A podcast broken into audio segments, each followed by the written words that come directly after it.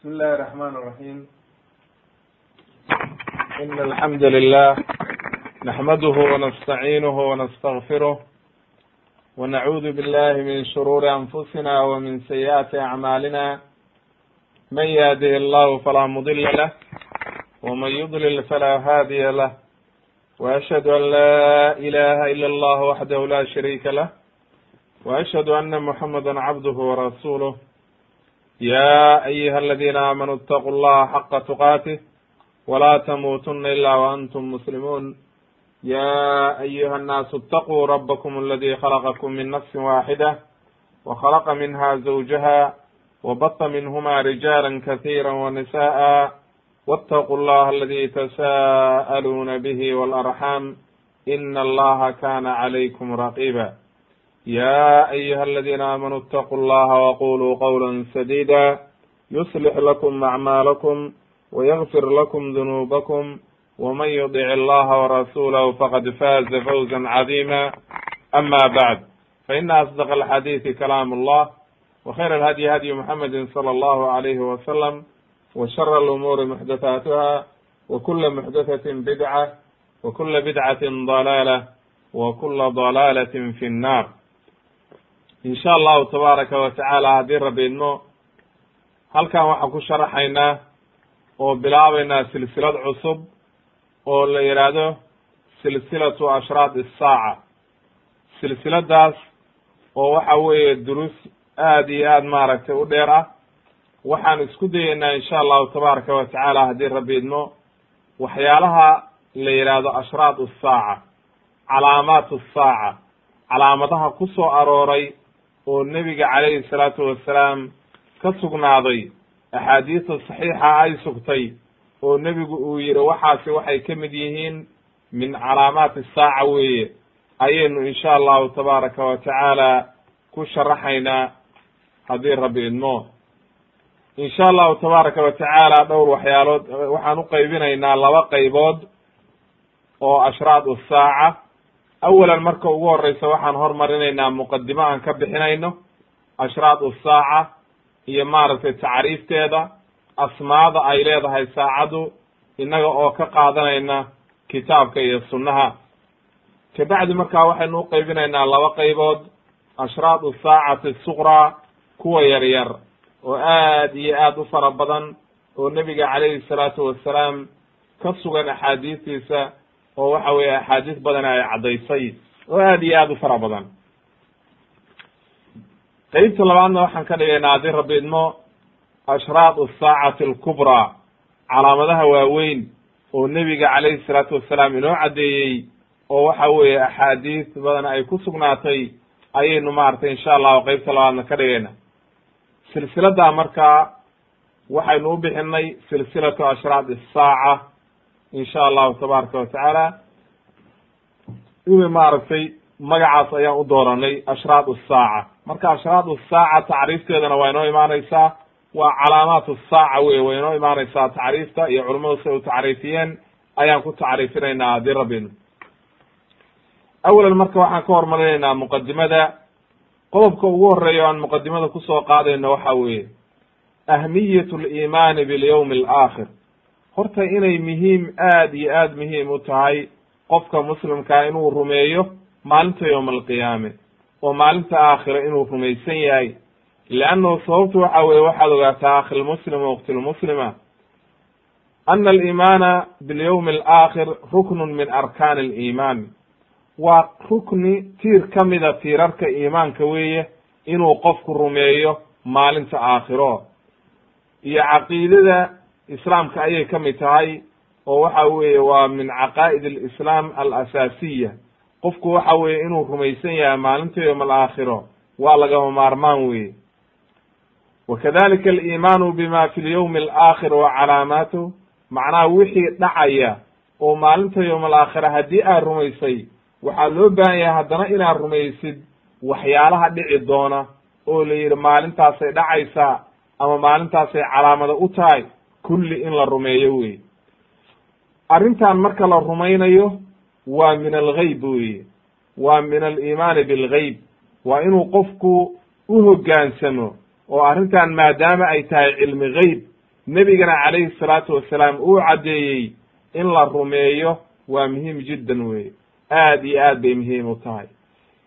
Waddo kale oo lagu ogaan karaa ma jirto iyo dariiq kaleoo loo loo mari karo ilaa kitaabka qur'aanka iyo sunnaha nebiga calayhi salaatu wasalaam wixii ay nas u sheegeen mooye. Leanna waa cilmi geyb cilmi geybkana waxyi baa lagu ogaadaa oo ilaahayga subxaana qaadirkaa iyo rususha wuxuu u sheego ayaa dariiqadaasaa lagu ogaadaaye. Cilmi geybka si kale looma ogaado.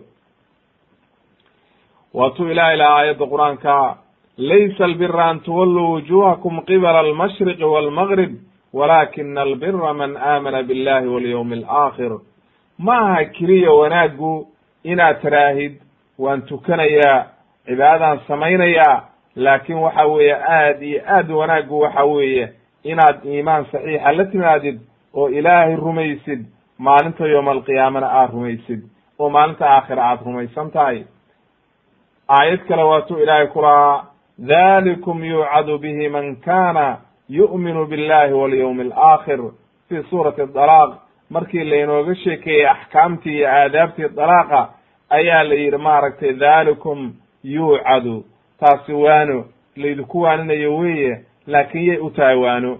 Man kana yu'minu billahi walyawmi alaakhir ilaahay iyo maalinta yowma alaakhiro qofkii rumaysan ayay waano u tahay weye haddaba waxa weye waxaa loo baahan yahay inuu qofku maalinta yowma alaakhira rumeeyo oo iimaan saxiixa uu la yimaado qalbigiisa iyo naftiisana u hogaamiyo sidaa daraaddeed baad waxaa arkaysaa akhilmuslim wa uktilmuslima kitaabka qur'aanka haddii aad akridid meel walba oo aad soo martid waxaad helaysaa iyadoo laga sheekaynayo maalinta aakhiro ama waxa weeye thawaabteeda iyo wanaagga iyo nicmada taalla ama ciqaabta iyo dhibaatada taalla iyadoo laga sheekaynayo sidaa daraaddeed ayaad waxaa arkaysaa meelo badan in mar walba uu nebigu leeyahay axaadiis badan man kana yu'minu billahi walyawmi alaakhir qofkii ilaah iyo maalinta yowm alaakhire rumeeyey sidaa iyo saa sameeyo ama waxa weeye aayadaha qur'aankana aad bay ugu badan tahay in la xiriiriyo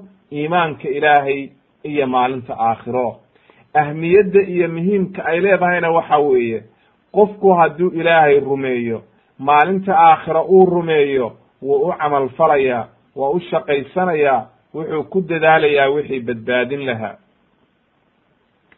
haddaba waxaa loo baahan yahay akhilmuslim wa waktilmuslima haddii aad rumaysid maalinta aakhiro oo ilaahay iyo maalinta aakhiro aad rumaysan tahay inaad u camal feshid oo ku dadaashid oo zaad qaadatid maalintaa wixii ku anfici lahaa.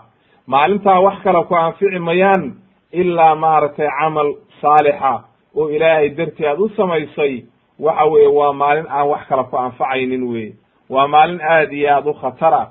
Sidaa daraaddeed baa ilaahay waxau ina leeyahay saabiquu ilaa makfiratin min rabbikum wa jannatin carduhaa ka cardi alsamaa'i waalardi uciddat liladiina aamanuu billahi wa rusulih dalika fadlu llahi yu'tiihi man yashaa wallahu dulfadli alcadiim fi suurati alxadiid aayaddaa ilaahay wuxuu inagu amrayaa inaynu u tartanno oo u dadaalno oo loo sacyiyo wixii lagu gaaraya makfirada ilaahay makfirada ilaahayna waxaa lagu gaaraa aliimaanu waalcamalu asaalix jannada wixii ku gaarsiinaya jannadaa ilaahay uu yidhi waxay la eg tahay oo waxa weeye ballaceeda iyo cardigeedu uu noqonayaa samaawaadka iyo dhoolka oo kale ka cardi asamaa'i waalardi yaakin yaa loo diyaariyey oo helaya oo jannadaa gelaya ilay qof walba iska geli maye aladiina aamanuu liladiina aamanuu billahi wa rusulih ilaahay iyo iyo rusushii ilaahay uu soo diray kuwa rumeeyey. Maalinta aakhiro rumaysan ayaa ilaahay jannada ugu talagalay waa min fadli illahi weye allahuma ijcalna minhum. Aayad kale ilaahay waxa uu ku yidhi watazawaduu fa ina khayra zaadi taqwa wattaquuni ya uli lalbaab fi suurati albaqara ilaahay aayaddaa wuxuu inoogu caddeeyey war waxaa la yidhi zaad qaata maalin baa loo socdaa aakhiraa loo socdaa haddaba marka haddii aakhiro loo socdo oo qof walba inuu dhimanayo uu ictiqaadsan yahay oo rumaysan yahay waa inaad sahay qaadataa oo zaad sii qaadataa wixii ku anfici lahaa waad ogtahay maanta markaad safar yara aadaysid inaad waxa weeye lacag sii qaadanaysid oo wax diyaarsanaysid oo jidka wixii aad ku mari lahayd wax walba aad diyaarsanaysid. Haddaba waxaa la aadayaa meelaan laga soo noqonaynin. Safar dheer baa la gelayaa lagamana soo noqonayo. Wuxuu u baahan yahay zaad aad iyo aad u muhiima laakiin zaadkaasi wuxuu noqonayaa aliimaanu walcamalu asaalix iimaan saxiixa iyo camal saalixa oo ilaahigii subxaana qaadirka aha loola jeedo oo waxa weeye ilaahay darti loola jeedo nebi maxamedna lagu raacayo ayuu noqonaya. Sidaa daraaddeed ba waxa uu lahaa saxaabigii jaliilka cumayr ibni xamaam aljamuuc aljamuux ayaa waxa uu leeyahay alansaariy waa ninkii saxaabigii jaliilkaa oo maalintii beder markii nebigu uu yidhi calayhi salaatu wassalaam saxaabadii oo waxa weeye mushrikiintii markay soo safteen oo ay kun iyo ziyaado yihiin hub fara badanna wataan. Muslimiintiina dad aad iyo aad u yar ay yihiin. Ayuu nebigu wuxuu yidhi quumuu u istaaga. Oo waxaad u istaagtaan jannada u istaaga. Ilaa jannatin carduha asamaawaatu waalard jannada u istaaga buu yidhi ballaarkeedu intaa dhan yahay samaawaadka iyo dhoolku intay isku jiraan. Markaasuu waxa uu yidhi saxaabigaani bakin bakin bakin marka luuqadda carabiga kelimad tacajuba wey oo loo isticmaalo wixii lala yaabo. Waxaad la yaaban tahay oo ad is leedahay waxaani waa wax cajiiba oo aan dhici karin. Markaasuu nebigu wuxuu yidhi maxaa dhacay? Markaasuu wuxuu yidhi rasuulka ilaahayow inaan ka mid noqdo ayaan rajaynayaa. Suu u dagaalamayey ayuu ku dhintay oo waxa weye saxaabigaas cajiibka ahaa wey waxa uu leeyahay marka gabay uu leeyahay rakdan ila allahi bigayri zaadin ila atuqaa wa camali lmica wa macnaha waxaad haddii aad saad qaadanaysid wax kaloo dhan faraha ka qaad laakin taqwa attuqa ay macnaha attaqwa inaad ilaahay ka cabsatid una camal fashid maalinta aakhiro wasabri sabirkiina aad la timaadid oo waxa weeye aad ku sabirtid jihaadkii iyo wanaaggii iyo ilaahay xaggii wixii ku anfacaya oo dhan wax kale ku anfici mayaan buu yidhi taqwo iyo biri iyo waxa weeye rashaad iyo wanaag inaad ilaahay uqam uqadimtid ood iska hormarisid oo waxa weeye siduu ilaahay aayadda qur'aanka ulahaa ya ayuha aladiina aamanuu itaquu llah waltandur nafsu ma qadamat liqadin. Maalinta aakhira waxa aad hormarsanaysid ood aakhiro geesanaysid naf waliba haddeer ha ka sii fekerto oo waxa weeye ha ka sii dadaasho maxaad hormarsanaysaa maxaa kaa horreeya maxaad camal falaysaa maxaa aakhiro ku anfacaya oo ilaahay xagtika xaggiisa kaa badbaadinaya. Sidaas daraaddeed baa nebigu wuxuu leeyahay xadiis saxiixa cajaban liamri lmu'min ina amrahu kulahu khayr. Macnaha walaysa dalika liaxadin ila almu'min. Xadiidkaasi wuxuu ina tusayaa nebigu ina leeyahay waxaa lala yaab leh oo wax la yaab la-ah qofka mu'minkaa arrintiisa. Arrintiisoo dhan waa khayr. Cid kalena arrintaa ma hesho in asaabahu saraa'a shakar fa kaana khayran lah haddii wanaag uu helo ilaahaygi subxaana qaadirkaa buu maaragtay ku shukri naqayaa oo ilaahay ku xamdi naqayaa markaasaa waxa weeye ilaahaygi subxaana qaadirkaa khayr uga dhigaya oo ajar iyo wanaag buu ka helayaa iyo nicmo. Haddii dhibaato ku dhacdana wain asaabathu daraa'a sabara fa kaana khayran lah haddii ay dhibaato ku dhacdana wuu sabrayaa markaasay khayr u noqonaysaa. Imaamu muslim ayaa weriyey xadiidka fi saxiixi fi kitaabi zuhdi ayuu ku weriyey haddaba xadiidkaa wuxuu ina tusayaa marka alfarqu bayna aladi yu'minu bilyawmi alaakhir waladi laa yu'min. Qofka maalinta aakhiro ilaahay iyo maalinta aakhiro rumaysan iyo qofka aan rumaysnayn farqiga u dhexeeya waxa weeye qofka mu'minka maalinta yowma alqiyaamo rumaysan inay imaanayso og ilaahaygi subxaana qaadirkaa ayuu mar walba ku xiran yahay. Dhibaato yara hadday ku dhacdo ilaahay buu u sabrayaa haddii wanaag helana ilaahay buu u mahadinaya. Sidaa daraaddeed baa waxaa arkaysaa ahmiyad aad iyo aad u weyn ayay diinta islaamku saartay inuu qofku rumeeyo maalinta aakhiro iimaankiisana uu badiyo. Qur'aanka aad iyo aad bay ugu soo aroortay aliimaanu bilyawmi alaakhir. Maaragtay iyo sidoo kale in la isa soo bixinayo xisaab inay jirto. Kulli ee aadan noqon sidii dadkii mushrikiinta ahaa oo inkiray maalinta aakhiro. Leanna qofku mar hadduu maalinta aakhiro inkirsan yahay waxba tari mayso ashraad usaaca leanno maba aaminsana in laysu soo saarayo laakiin qofku hadduu maalinta aakhira rumaysan yahay oo og yahay in laysa soo celinayo markaa waxa weeye waxa uu rumaynayaa oo ictiqaadayaa inay waxa weeye maalin dambe oo la xisaabtamaya ay jirto sidaa daraaddeed ba ilaahay waxa uu yidhi zacama aladiina kafaruu an lan yubcathuu qul balaa warabbii latubcathunna uma latunaba'unna bima camiltum wadalika cala allahi yasiir fi suurati takaabun ilaahay wuxuu aayaddaa inoogu caddeeyey mushrikiintii inay yidhaahdeen la isa soo saari mayo oo mana la soo celinayo marka zacama kelimatu zacama luqadda carabiga waxaa loo isticmaalaa qofku waxuu intuu sheegto uuna wax daliila u haysan iskaga been hawaazayo laakiin mararka qaarkood waxaa dhacda kelimatu zacama in loo isticmaalo luqadda carabiga wax xaqiiqa oo run ah laakiin halkan waxaa laga hadlayaa inay waxaynan ogeyn oo beena inay iska sheegteen oo aynan saxiix ahayn warka ay sheegteen. Leanno saxiix maaha inay yidhaahdaan nala soo celin mayo oo waxa weeye nalama soo noolaynayo. Ilaahay marka waxau inoo caddeeyey in la isa soo noolaynayo oo aakhiro la iskeenayo haddana qof walba wixii camal uu sameeyey la soo hordhigayo. Haddaba qofka caqliga leh waxa weeye qofkii maanta sii fakera oo shaqaysta wixii aakhiro anfacaya u shaqaysta wey oo ka dadaala haddaba sidaa daraaddeed qofku waa inuu rumeeyaa waxyaalaha aakhiro ka dhacaya waxyaalaha qiyaamaha ka soo horreeya oo nebigu inoo sheegay ashraad usaaca kulli waa inuu rumeeyo wey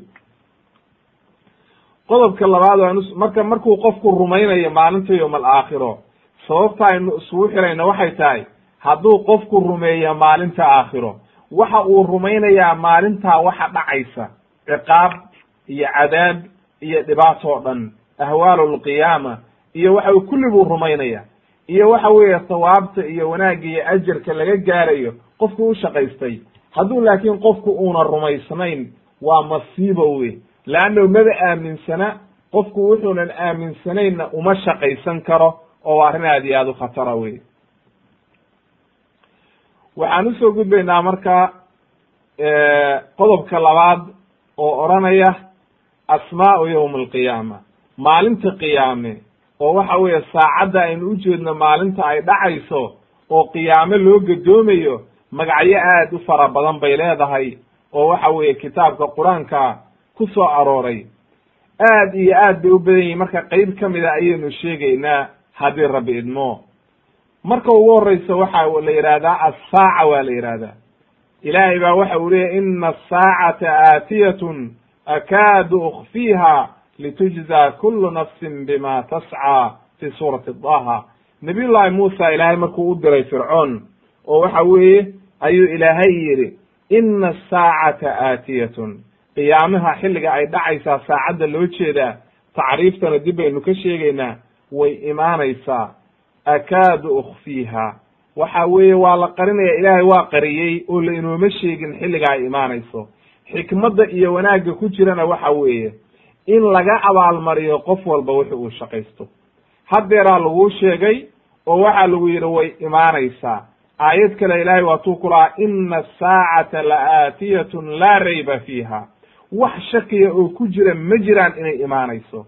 Walaakina aktara annaasi laa yu'minuun. Laakiin dadka in badani ma rumaynayaan oo ma aaminsana oo ma rumaynayaan weeye.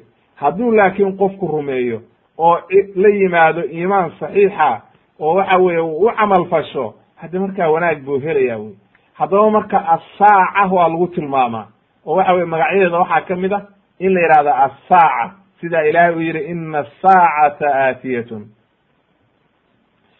Mida labaad waxa la yidhaha yowm lbacthi waa la yidhahda ilaahay baa yidhi wa qaala aladiina uutuu lcilma waliimaana laqad labistum fi kitaabi illah ila ywm ilaa ywmi albacthi fahada ywm اlbacthi walaakinakum kuntum la taclamuun ilahay wuxuu aayadda inoogu caddeeyey fi suurati rum in ay maalintaani la yidhaahdo yowmu lbacthi maalinta la isu soo saarayo weeye bactigu waa isu soo bixin wey waa la isu soo saaraya sidoo kale waxaa la yidhahdaa midda saddexaad magaca saddexaad oo aan soo qaadanayno yowmu alxasra maalintii shalaytanka ilaahay baa yidhi waandirhum yowma alxasrati id qudiya alamru wahum fii gaflatin wahum laa yu'minuun. Maalinta shalaytanka xasri waa shalaytan iyo nadaamo iyo qofku inuu shallaayo wax horay uga tegey oo aadan maanta waxba ka qaban karin inaad ka shallaydid. Ayaa la yidhahdaa xasr marka waxa weeye annadaamana waa la yidhaha yowm annadaama oo waxa weye xasriga iyo nadaamadu labaduba waa qoomamo iyo shalaytan wey sidoo kale yowm ddiin waa la yidhaahdaa oo waxa weye ilaahay waxa uu yidhi maaragtay aayadda qur'aanka maliki yowm ddiin ay maalintii dambe oo la is abaal marinayey oo qof walba la xisaabinayey maalintaasna magaceeda waa la yidhahdaa addaaru lqaraarna addaaru alaakhirana waa la yidhahdaa addaaru alaakhira na waa la yidhahdaa oo markii aakhira la tago hadde waa daaru alaakhira wey ilaahay baa lahaa aayad qur'aana wma hadihi alxayaatu addunya ila lahwun walacib wa ina daara alaakhirata lahiya alxayawaanu law kanuu yaclamuun. Bal u fiirso ilaahay aayaddaa wuxuu inoogu caddeeyey adduunkan la joogo inay tahay wax iska dheeldheela oo waxa weeye lagu walaahoobayo oo aan sii joogaynin oo waxa weeye wakti badan aan sii joogaynin ama lagaba dhimanayo laakiin wa ina daara alaakhirata lahiya alxayawaan midda la joogayo oo lagu noolaanayo oo noloshu taallo oo aan laga tegi doonin waa maalinta daaru alaakhira markii la tago wey maalint waxaa kaloo la yidhaahdaa yowmu tanaad. Maalintii isku yeerista waxa weeye siduu ulahaa mu'mina aali fircoon wa yaa qowmi inii akhaafu akhaafu calaykum yowma atanaad ay maalinta inta halkaa la isku yeero qof walba wixii uu kasbaday laga abaalmarinayo oo khatarta ah weeye. Sidoo kale waxaa la yidhahdaa yo daaru lqaraar meeshii lagu nagaanayey oo aan laga tegaynin oo aan weligeed laga tegaynin. Waatuu ilaahay lahaa aayad suuraddaa laftigeeda fi suurati kaafir mu'min aali fircoon waatuu lahaa ya qowmi inama hadihi alxayaatu addunya mataac wa ina daara alaakhirata hiya hiya daaru lqaraar wa ina alaakhirata hiya daaru lqaraar maal daarta lagu sugnaanayo oo aan laga tegaynin waa aakhiro wey marka sidaa daraaddeed qofku waa inuu u camal fashaa maalinta aakhiro oo aan laga tegaynin oo daarulqaraar ah. Waxaa kaloo lagu tilmaamaa yowm alfasli maalintii la iskala saarayey oo wax walba la kala xukminayey. Waatuu ilaahay lahaa aayadda qur'aanka hada ywm alfasli aladi kuntum bihi tukadibuun fi suurati saafaat aayad kale ilahay wuxuu yidhi ina ywma alfasli miiqaatuhum ajmaciin fi suurati dukhan ay macnaha fasliga maalinta alqada la iskala saarayo wey qof walba wixi uu kasbaday laga abaalmarinayo oo halkaa la isgeynayo aayad ka ilahay wuxuu ku yidhi hada ywm alfasli jamacnaakum walawaliin kulligiin halkaasaa la iswada keenaya oo cid maqnaanaysa ma jirto ilaa nebi aadam laga soo bilaabo ilaa qiyaami asaaca halkaasaa la isugu imaanaya markaasaa la iskala saaraya oo ballantii ilaahay ugu talagalay maalintaa wey waxaa kaloo la yidhahdaa yowmu ljamci maalintii kulli la isku imaanayay. Waatuu ilaahay lahaa aayadda qur'aanka wa tundir wa tundira yowma aljamci laa rayba fiih fariiqun fi ljannati wa fariiqun fi saciir fi suurati shura ilaahay wuxuu yidhi dadkaad uga digaysaa maalinta jamciga ee maalintii kulli la imaanayey oo halkaa la isugu imaanayey. Hadhowna loo kala dareerayey inuu ama qofkii janno aado ama uu naar aado. Labadaa unbay mid noqonaysaa ama jannaad aadin ama naar baad aadin. Meel saddexaad ma jirto oo la joogayo waxaa kaloo la yidhahdaa yowm alxisaab maalintii la isxisaabinayey oo waxa weeye la xisaabtamayey waatuu ilaahay lahaa hada ma tuucaduuna liyowmi alxisaab maalintii la idii ballamay oo waxa weeye la idii yaboohay oo la xisaabta waa maalintii xisaabta waa la xisaabtamayaa marka. Hadda adduunka marka aad joogtid cid kula xisaabtamaysa ma jirto laakiin aakhiro markii la tago waa la xisaabtamaya camal laakiin ma jiro. Maalintaa adduunka waxaa la yidhahdaa daaru lcamal waa maalintii waa daar waxa weeye loogu talagalay in camal la sameeyo oo la shaqeeyo oo la camal falo. Amaa aakhiro marka la joogo oo aakhiro la tago waa daaru ljaza waxa weeye waa la iska abaalmarinayaa ma jirto wax dambe oo camala oo waxa weeye halkaa la qabanayo ma jirto wey oo waxa weeye waa inuu qofkii ku talagalo in uu waxa weeye camalkii uu halkan ku sameeyey xagga lagaga abaalmarinayo. Hadduu khayr ku ahaana khayr baad helin hadduu shar ahaana shar baa kaa horreeya walciyaadu billah waa arrin aada u khatara weeye.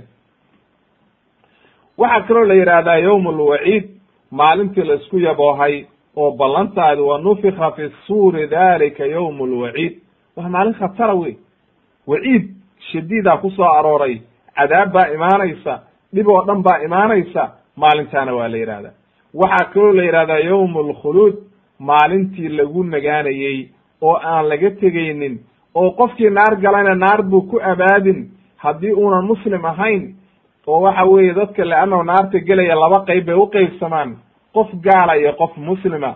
Qofkii muslimkaa oo macsidiisu ay naar geysay waxaa la rajeynayaa inuu ka soo baxo oo kaga soo baxo maaragtay maaragtay shafaacada nebiga calayhi isalaatu wassalaam iyo waxa weeye mu'miniinta iyo malaa'igta iyo annebiyadii oo dhan.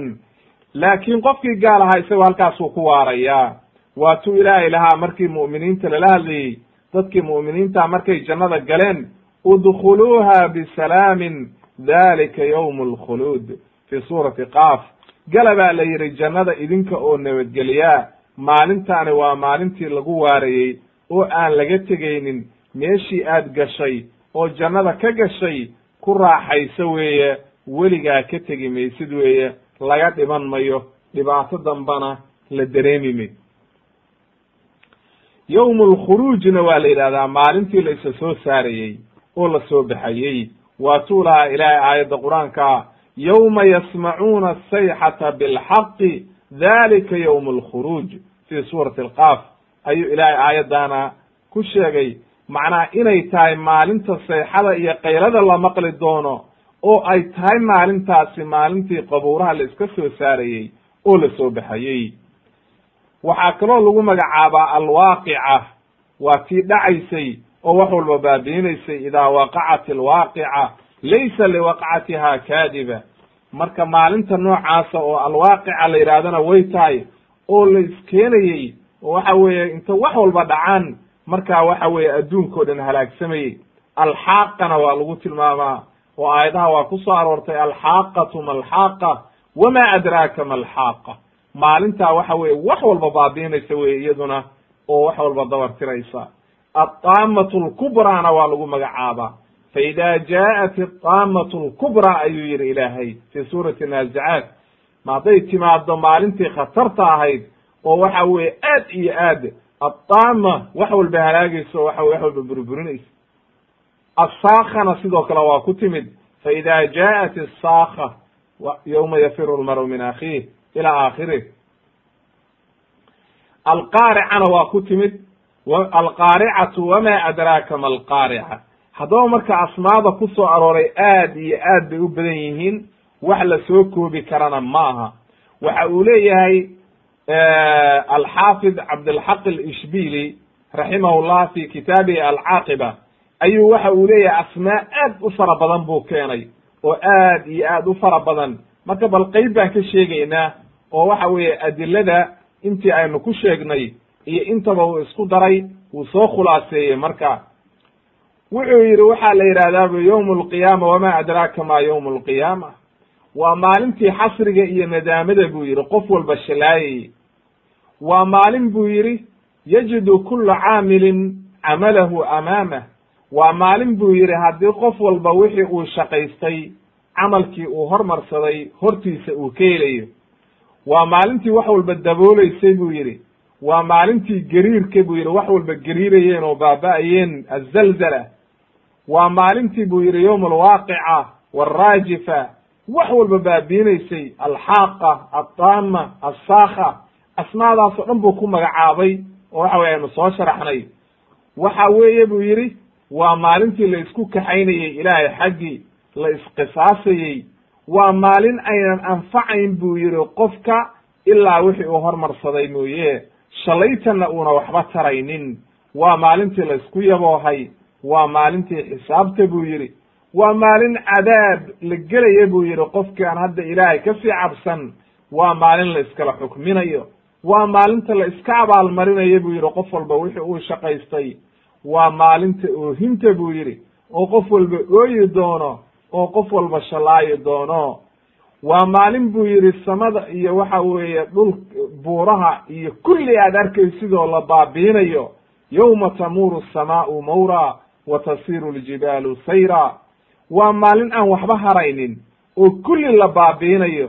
Waa maalintii la isa soo kulminayey waa maalintii jamciga waa maalintii ba bacdiga oo la isa soo saarayey waa maalintii la ismiisaamayo qof walba camalkiisa la miisaamayey waa yowmu lxaqi buu yidhi waa maalin xaqa oo la iskala saarayo. Waa maalin aad iyo aad u adag waa maalin wuxuu yidhi khatara oo aad iyo aad u khatara weeye.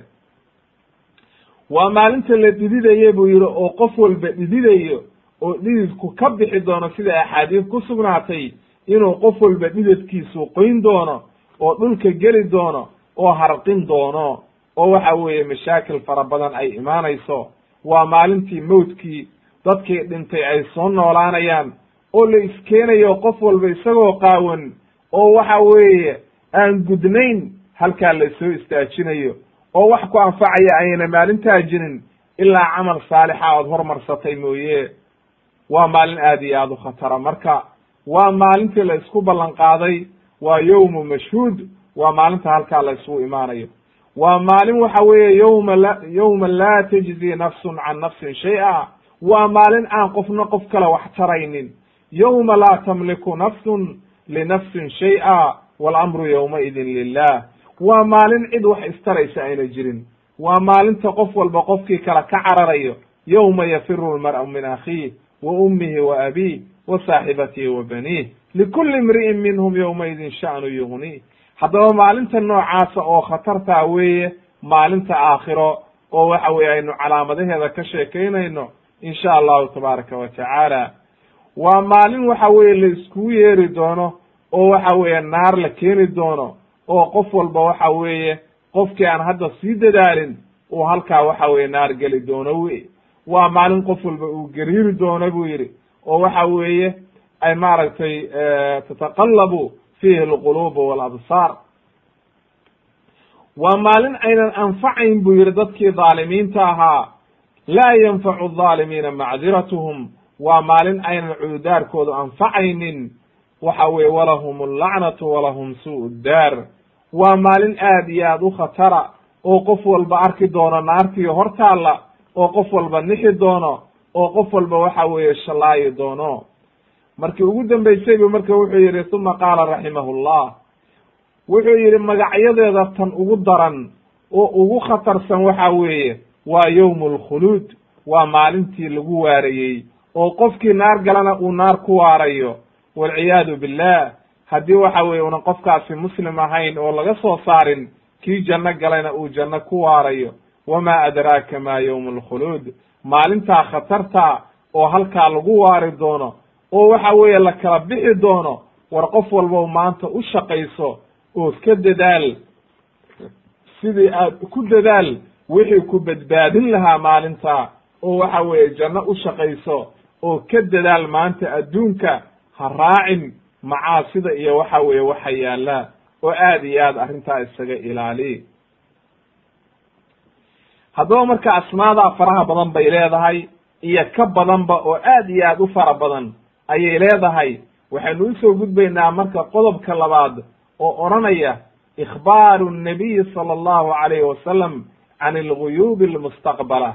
Nebiga calayhi salaatu wasalaam wuxuu inooga sheekeeyey waxyaalo cilmi geyb ah oo fara badan oo ashraadu saaca ay ka mid yihiin. Qiyaamaha wixii dhici doona aakhira waxa ka dhacaya kulli nebigu waa inooga sheekeeyey arrin aad iyo aad u fara badan.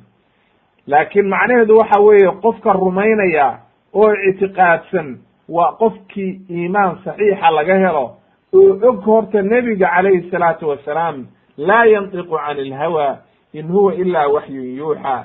Nebigu inuuna hawadiisa raacaynin oo uunan iska hadlaynin ee ay tahay waxaani wax loo waxyooday. Rabbigii subxaana qaadirkaa wuxuu u waxyooday ayuu nebigu inoo sheegayaa ee ma aha wax kale oo isaga uu jeebkiisa kala soo baxayo ma aha weeye. Sidaa daraaddeed buu waxa uu lahaa xudayfa radi allahu canhu ayaa waxaa laga wariyey inuu yidhi khadaba laqad khadabanaa rasul nabiyu sala allahu calayhi wasalam khudbatan ma taraka fiiha shay-an ila qiyaami asaaca ila dakara. Calimahu man calima wa jahilahu man jahila. Imaamu albukhaari ayaa wariyey iyo muslim xadiidkaa xudayfa wuxuu inagu barayaa inoo leeyahay nebiga calayhi salaatu wasalaam baa noo khudbeeyey khudba dheer buu akriyey wax uu ka tegey ma jirin wax alla wixii ilaa iyo qiyaamo dhici lahaa nebigu waa noo sheegay calayhi salaatu wassalaam qof alla qofkii maaragtay xifdiyey oo bartayna hadde waxa weeye waa gartay. Qofkii jaahilkaana hadde isagaa jaahilkaa laakiin waxa weeye nebigu waa caddeeyey waxa weeye waxyaalaha fitanka iyo mashaakilka dhacaya nebigu aad iyo aad buu u caddeeyey. Sidoo kale xadiidkii camar ibn akhdab radi alansaari radi allahu canhu waxa uu yidhi bal xadiidkan ufiirso aad iyo aad buu xadiidkaani cajiib u yahay. Waa xadiid aad aad iyo aad ula yaabaysid nebiga ficilkiisi iyo waxa uu sameeyey. Nebiga calayhi salaatu wasalaam baa na tujiyey buu yidhi sallaa bina rasuulu llahi sala allahu alayhi wasalam salaadii subax ayuu nebigu na tujiyey buu yidhi. Mimbarka ayuu fuulay buu yidhi. Markaa markuu salaadii ka baxay ayuu mimbarka u baxay oo mimbarka fuulay. Markaasuu khudbeeyey buu yidhi ilaa iyo waxa weye xataa xadarat xadarat duhur ilaa iyo waxa weeye ay salaatu duhur soo gashay oo duhur laga gaaray ayuu nebigu khudbo waday buu yidhi. Oo khudbo uu jeedinayey. Marka salaadii subax oo la tukaday masalan shantii subaxnimo oo waxa weye markaa nebigu khudbo bilaabay oo aan la kala dareerin oo duhur lagu addimay ayuu waday buu yidhi. Markaasaa duhurkii baa galay buu yidhi waa la addimo waa la tukaday. Mimbarkii buu ka soo degey wuuna tujiyey. Markuuna tujiyey ayuu haddana mimbarkii ku noqday. Wuu khudbeeyey ilaa iyo salaadii casar ay soo gashay. Markaasuu soo degay oo na tujiyey. Markaasuu haddana mimbarkii ku noqday oo khudbeeyey ilaa ay qoraxdii ka dhacday oo maqrib la addimay ayuu waday haddana. Fa akhbaranaa marka laba iyo toban saacadood ugu yaraan wey. Leanno salaadii subax laga soo bilaabo ilaa maqrib ayuu waday nebiga calayhi salaatu wasalaam khudbada. Waddanka carabta oo waxa weeye sacuudiga iyana waktigoodu waa caadi weye maalintuna waa laba iyo toban saacadood habeenkuna waa laba iyo toban saacadood. Marka adigu maalin dhan buu nebigu khudbaynayey oo waxa weeye khudbada aad u dheer ayuu akrinayey waxa uu yidhi saxaabiga jaliilka radia allahu canhu fa akhbaranaa wuxuu noo sheegay buu yidhi bima kaana wa bima huwa kaa'inun. Nebigu wuxuu noo sheegay buu yidhi bima kaana ay macnaha wixii horay u dhacay ilaa laga soo bilaabo bid'i lkhalqi kulli laga soo bilaabo ummadihii inaga horreeyey nebi aadan kulli iyo nebi aadam laga soo bilaabo ilaa iyo ummadihii hore oo dhan ayuu nooga sheekeeyey buu yidhi wa bima huwa kaa'inun macnaha waxa imaan doona oo dhici doona oo mustaqbalka dhici doona aakhire imaan doona kulli buu nooga sheekeeyey buu yidhi ilaa iyo arrintaasoo dhan ayuu waxa weye noo sheegay ilaa qiyaami saaca macnaha ilaa ay qiyaamuhu ka dhacdo. Wuxuu yidhi marka radia allahu canhu saxaabiga fa aclamunaa axfadunaa waxaa noogu cilmi badan buu yidhi kaayaga noogu xifdi badan oo macnaha khudbadaa ninkii ugu xifdi badnaa ayaa saxaabada noogu cilmi badan buu yidhi. Haddaba xadiidkaa wuxuu kutusayaa nebiga calayhi salaatu wasalaam inuu ummadda u sheegay oo saxaabadii u sheegay waxyaaliha a imaan doona iyo wixii horay u dhacay ilaa qiyaami saaca. Wax aad u fara badan inuu u sheegay. Sidoo kale cumar ibn khadaab buu ka warinayaa imaamu albukhaari waxa uu wariyey cumar ibn khadaab inuu yidhi qaama fiina rasuulullah qaama fiina rasuulu llahi sala allahu alayhi wasalam rasuulki ilaahay ayaa istaagay buu yidhi maqaaman oo waxa weeye macnaha meel istaagay fa akhbaranaa wuu noo sheegay macnaha khud buu noo jeediyey wey fa akhbaranaa wuxuu noo sheegay buu yidhi maaragtay bid'i alkhalqi waxa uu nooga bilaabay buu yidhi waktigii adduunku soo bilaabmay oo khalqiga la soo bilaabay waa tan axaadiisu ku sugnaatay wixii ugu horreeyo ilaahay khalqi inay ahaayeen qalam. Qalamka markaa uu yidhi ilaahay qor. Oo waxa weeye qor uktub uu yidhi. Wuxuu yidhi marka can bid'i lkhalqi buu nooga soo bilaabay xataa dakhala ahlu ljannati manaasilahum ilaa iyo waxa weeye adduunkii o dhan intuu dhammaaday oo qiyaamihii dhacay oo la isxisaabiyey oo waxa weeye ahlu jannihii jannadoodii galeen oo qof walba booskiisii galay. Wa ahlu nnaari manaasilahum dadkii ahlu naarkaana ay booskoodii galeen oo qof walba naartii kii galay uu booskiisii galay. Wuxuu yidhi marka cumar ibn khadaab radia allahu canhu xafida dalika man xafidahu wa nasiyahu man nasiya. Imaam albukhaari ayaa weriyey mucallaqan fi fatxi maaragtay bid kitaab bid'i lkhalqi ayuu ku weriyey fatxilbaariga majalada lixaad saddex boqol iyo waxa weye afartan iyo sagaal. Ayaad ka helaysaa raqamka xadiidka saddex boqol saddex kun iyo boqol sagaashan iyo labo. Marka mucallaq ayuu ku weriyey laakin waxa weeye sanadyo kale oo waxa weeye xadiidku waa xadiis saxiixa sida ibnu xajar iyo ay caddaynayaan oo waxa weye sanadyo kaleu leeyahay. Halkaa marka waxaa inooga caddaatay nebigu inuu waxyaalo badan oo aad iyo aad u badan inuu inoo sheegay oo waxa weye ay muhiim jiddan tahay qofku inuu aamino ayaa waxa weye inooga caddaatay waxaa kaloo ka mid a waxyaalaha nebigu uu sheegay calayhi salaatu wassalaam oo waxa weeye saxiixeynka ku sugnaaday inuu yidhi nebiga calayhi salaatu wasalaam isagoo madiino jooga saxaabadii inuu la hadlay oo uu yidhi idaa halaka qaysar falaa qaysara bacdah wa idaa halaka kisra falaa kisra bacdah haddii uu halaagsamo qaysar waxa weeye qaysar dambe oo soo noqonaya ma jirto dib baan ka tacriifinaynaa wa idaa maaragtay wa idaa halaka kisra falaa kisra bacdah waladii nafsii biyadihi latunfiqunna kunuuzahuma fi sabiili illah wuxuu yidhi nebiga calayhi salaatu wassalaam waxa weeye maalkood waa labadii dowladood oo markaa ugu waaweynaa caalamka oo aad iyo aad u waaweynaa waxa uu yidhi waad ka guulaysan doontaan way jabi doonaan xoolaha laga furtana jidka ilaahay baad ku bixin doontaan waqad waqaca dalika kamaa akhbar siduu u sheegay bay nebiga calayhi salaatu wasalaam ayay u dhacday waktigii abubakr radia allahu canhu fii zamani abi bakr iyo cumar iyo cuthmaan. Waktigoodii ayaa qaysar horta waxa weeye dhulkii carabta haystay qaysar waxaa la odhan jiray waa boqortooyadii hiraqla oo waxa weeye nimankii halkaa deganaa ruom oo waxa weeye ilaa iyo ardu sham haystay. Marka carabtu waxay yidhaahdaan qaysar waxay yidhahdaan boqor kasta oo ruumna xukuma bilaadu shamna ku darsaday oo waxa weeye dhulkaas oo dhan isku haystay ayaa la ohan jiray qaysar. Hiraqla ayaa markaa joogay. Waa ninkii damcay inuu islaamo haddana markaa waxa weye gaalnimada ku dhintay.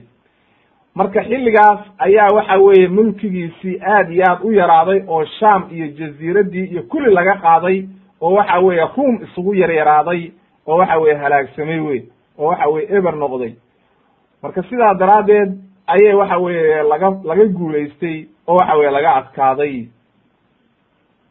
Marka xadiidka bishaara ku jirto ardu sham maadaama ay xukumi jireen mar hadday baabi'een dib dambe uqabsanayaan oo dhul islaam bay noqotay. Wa ama kisra ninka le boqortooyadii kisra iyadana sidoo kale zamankii waktigii cumar radia allahu canhu ayaa waxa weeye aad iyo aad loo wiiqo lala dagaalamay khilaafadii dambe oo cuthmaanna waaba la dilay oo taariikhdu markay ahayd bay yidhahdeen culummadu sannadkii soddon iyo labadii ayaaba la dilayba. Oo waa nimankii xukumi jiray dhulkan maaragtay qusdandiin iyo dhulkan hadda turkiga iyo eryadaas oo dhan nimankii haysan jiray wey. Oo waxa weeye kisra la ohan jiray. Marka waxa weeye waktigii nebigaana habaaray ninkan oo waxa weye nebigu laba kitaabu intuu u kala qoray laba risaalo ayuu u diray boqortooyooyinkii oo dhan buu risaalooyin u dirdirayey marka ninkaa kisra waxa la markuu loo geeyey kitaabkii nebiga oo uu nebigu qoray warqadii ayuu jeexjeexay oo waxa weeye tuuray. Markaasuu nebigu wuxuu yidhi habaaro wuxuu ugu du ku habaaray inuu ilaahay maaragtay bian yumaziqa mulkahu kula mumazaq in ilaahay uu googooyo siduu warqadii u googooyey in isagana ilaahay uu googooyo boqortooyadiisa. Sidoo kale waxaa sugnaatay xadiidkii umi xaraam la ohan jiray gabadhii la ohan jiray umi xaraam binti malxan ayaa waxay tiri sida imaamu bukhaari iyo warinayaan ayaa waxay tiri nebiga calayhi salaatu wasalaam baa waxa uu yidhi awalu jeishin min ummatii yakzuuna albaxra qad awjabu. Jeiska ugu horreeya ciidanka ugu horreeya oo ummadayda oo waxa weeye badda ku duuli doona oo badda intay ka tilaabaan dagaalami doona dadkaa waxa weeye janna u waajibtay. Markaasay umu xaraam waxay tidhi rasuulka ilah yaa rasuul allah ana min ana fiihim. Ee macnaha ii bari inaan ka mid noqdo. Markaasuu nebigu wuxuu yidhi anti fiihim. Waad ka mid tah arrintaasi marka haddana markaasa xadiidka waxaa la sii socotay wuxuu yihi nebiga calayhi salaatu wasalaam jeiska ugu horreeya oo ummadayda ku duuli doona madiinata kaysar makfurun lahum. Kaysarka aynu soo maraynay oo waxa weeye hiraqle iyo halkaa haystay dhulka sham iyo xukumi jiray jeiska ugu horreeya ku duuli doona waa loo dembi dhaafay ayuu yihi nebiga calayhi salaatu wassalaam. Ume xaraam inta soo boodey waxay tidhi rasuulki ilaahay ow ii bari anaa fi anaa fiihim. Inaan ka mid noqdo. Markaasuu nebigu wuxuu yihi laa ka mid ma tihid. Xadiidkaana bukhaari baa wariyey arrintaasi waxay dhacday baa la yidhi marka sanadku markuu ahaa toddoba iyo labaatankii hijrada mucaawiya radia allahu canhu canhuma mucaawiya bn abi sufyaan ayaa waktigii khilaafada uu haystay cuthmaan.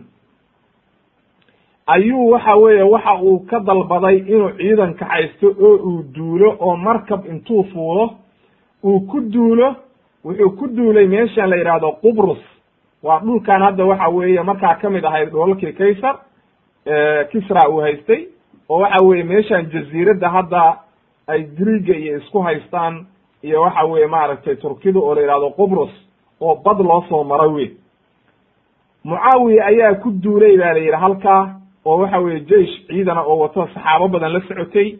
Gabadhaa marka umu xaraam binti malxaan ayaa ka mid ahayd ba le oo raacday jeiskii markii meeshii la tegey oo la qabsaday oo dhul islaam ay noqotay ayay waxay ka soo dhacday ba la yidhi daabadii ay saarayd neefkii xoolaha geeli ay saarayd. Ayay ka soo dhacday hashii ay saarayd baa ku istaagtay ba la yidhi qoortaa kala jabtay meeshii bay ku dhimatay marka. Halkaa ayaa lagu xabaalay ba layidhi marka waxay leeyihiin culummadu halkaasay ku xabaalan tahay magaalo macruufa oo la yidhaahdo larnaka oo waxa weeye qubrus ku taalla ayay ku xabaalan tahay ba la yidhi masjid baa meeshii ku yaallaa la yidhi qabrigeedii u dhow yahay waana magaalo macruufa oo badda xeebteeday ku xabaalan tahay ba la yidhi qabrigeediina waa macruuf gabadhaas saxaabiyadda. Nebigiina marka calayhi salaatu wasalaam shaahidku hadda waxa weeye wuxuu sheegay nebigu inay gabadhaa ka mid noqonayso ciidanka halkaa ku duulay. Sidii bayna u dhacdo way ka mid noqotay waana cilmi geyb marka ilaahay baana u waxyooday ama ghazwadii labaad oo waxa weeye ghazwatu thaniya oo ayna gabadhaa ka mid ahayn oo lagu duulay mucaawiya ayaa ku duulay ba la yidhi qustantin oo waxa weeye halkaa ku duulay oo waxa weeye ay ciidan badanna la socotay ciidan badan la socdeen oo aad iyo aad u fara badan ayaa la socday.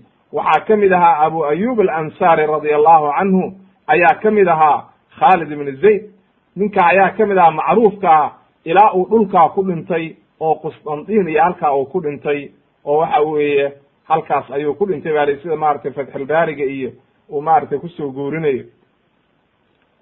Sidoo kale waxaa sugnaatay nebigu inuu yidhi calayhi salaatu wassalaam takzuuna jaziirata alcarab. Waxaad ku duulaysaan jaziiradda carabta. Ilaahay baa idiin furaya markaa waad ka guulaysanaysaan haddana waxaad ku guulay ku duulaysaan faris wa ilaahay baa idiin furayo waad ka guulaysanaysaan haddana waxaad ku duulaysaan ruom ilaahay baa idiin furayo waad ka guulaysanaysaan haddana waxaad ku duuli doontaan aakhirka masiixu dajaal beenlowgii markuu yimaado waadna ka guulaysan doontaan. Waata nabiyullahi ciisa uu dili doono oo waxa weeye ay imaan doonto. Haddaba xadiidkaana imaamu muslim ayaa wariyey waa xadiis saxiixa.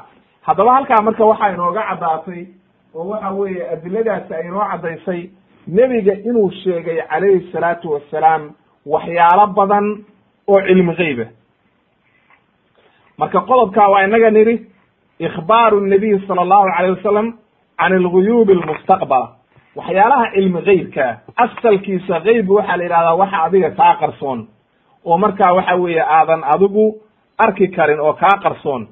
Haddaba marka waxyaalaha cilmi geybkaa oo inagu aynu ogeyn oo waxa weeye nebigu inoo sheegay waxa weeye macnaheedu in loo hoggaansamo oo la yidhaahdo samicnaa wa adacnaa marka ashraad usaaca adiladeeda oo dhan waa wax cilmi geyb ah oo imaan doona oo waxa weeye nebigu uu ka sheekeeyey ilaahay baana u waxyooday ee ma aha wax uu maaragtay isagu waxa weeye agtiisa kala yimid ee waa waxyi min allah wey sidaa daraaddeed ba waxa uu caddaynayaa maaragtay sheekh mashhuur xasan xafidahullah ayaa wuxuu ku caddaynayaa kitaabkiisa alciraaq fi axaadiis alfitan fi axaadiis wa aathaar alfitan kitaab uu ka qoray laba majaladooda ayuu markuu adiladaa uu sheegay wuxuu ku caddaynaya wuxuu leeyahay oo uu ka digaya wuxuu yidhi istadalla bacdu ahli lbidac walhawa biaxaadiisi alfitan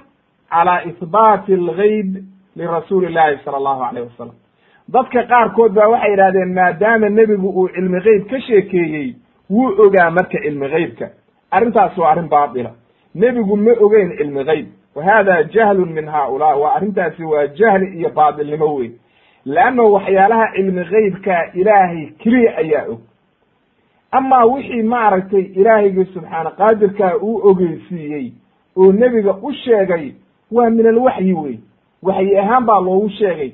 Saasaa dhici doonta saasaa dhici doonta. Waxaana daliil u ah qowluhu tacaala. Caalimu lgaybi falaa yudhiru calaa gaybihi axada ilaa man irtadaa min rasuulin. Bal u fiirso. Ilaahay wuxuu aayaddan inoogu caddeeyey cilmiga geybka waxyaalaha cilmi geybka ilaahay keliya ayaa og. Rabbigii subxaana qaadirkaa ayaa garanaya waxyaalaha geybka qofkii ilaahay qof uu ilaahay u daahirinayo ma jirto ilaa rusul uu ka raali noqday mooye oo waxa weye markaa u waxyoonaya mooye. Liyakuna mucjizatan lahu leannahu rasuulkan waxaa la rabaa inuu mucjiso ilaahayga subxaana qaadirkaa rasuul markuu soo diro waxyaala mucjisaa ayuu u yeelaa oo aan dadkii kala garan karin.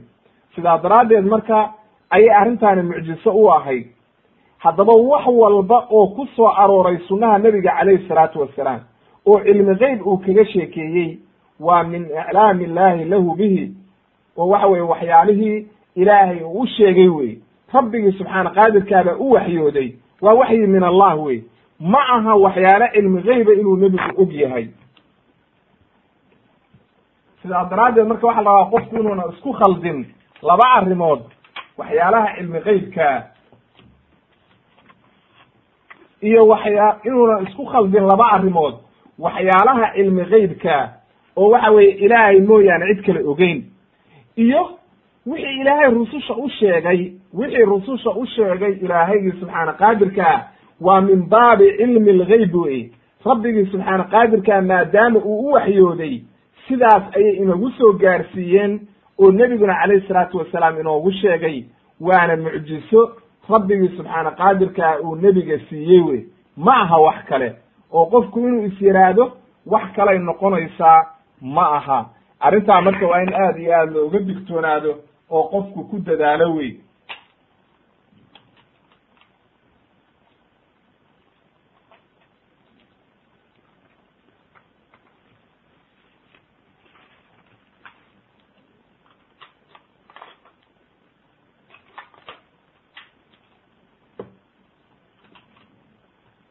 waxa uu marka shiiku ku caddeeyey kalaamkiisii isaga oo sii wada markuu saa u caddeeyey inaan cilmi qeybkii cid kale ogeyn ee rabbigii subxaana qaadirka ahaa uu og yahay oo aan cid kale garanaynin ayuu wuxuu ku sii caddeeyey kalaamkiisi waxa uu yidhi. Wuxuu ka soo naqliyey maaragtay cali ibn alqaari ayuu ka soo naqlinayaa kalaam uu leeyahay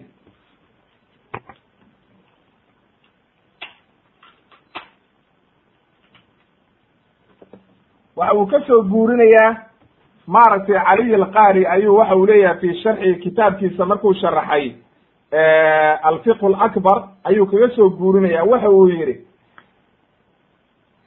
ina alambiyaaa lam yaclamuu almugayibaat min alashyaa. Macnaha ambiyada rusushii oo dhan isku soo daro kulligood waxyaalaha cilmi qeybkaa waxba kama ay ogeyn. Ilaa wixii ilaahay u sheegay unbay ogaayeen oo rabbigii subxaana qaadirkaa uu waxyooday ayuunbay ogaadeen wey wax kale oo ay ka ogaayeen ma jirto siduu ilaahay ilaahay yidhi aayadda qur'aanka ah oo ilaahay uu ku tilmaamay qul laa yaclamu man fi samaawaati waalardi algayba ila allah. Leanno sababtu waxa weeye buu yidhi qofkii yaraada buu yidhi marka cilmi geyb buu nebigu ogaa waa gaalnimo wey waa ku gaaloobaya leanno aayadda qur'aanka ayuu ka hor imaanaysa ilahay maadaama uu yihi qul laa yaclamu man fi samaawaati waalardi algayba ila allah. Ilahay mooye cid kale ma oga. Fi suurati namli haddaba lama oran kara marka cid kale ayaa cilmi geybka og wey waa in la iska ilaaliyo wey arrintaas aad iyo aad looga digtoonaado. Sidoo kale cadiim alabadi kitaabkiisa cawn lmacbuud wuxuu ku keenayaa waxa uu leeyahay wa biljumlati laa yajuuzu an yuqaala liaxadin inahu yaclamu lgeyb qof in la yidhaahdo cilmi geybkuu ogaa ma banaanaa waana arrin baatila oo aan banaanayn. Ilaa waxa weeye waxyaalihii ku sugnaaday waxyi oo nebiyada iyo rususha ilaahay u sheegay mooye.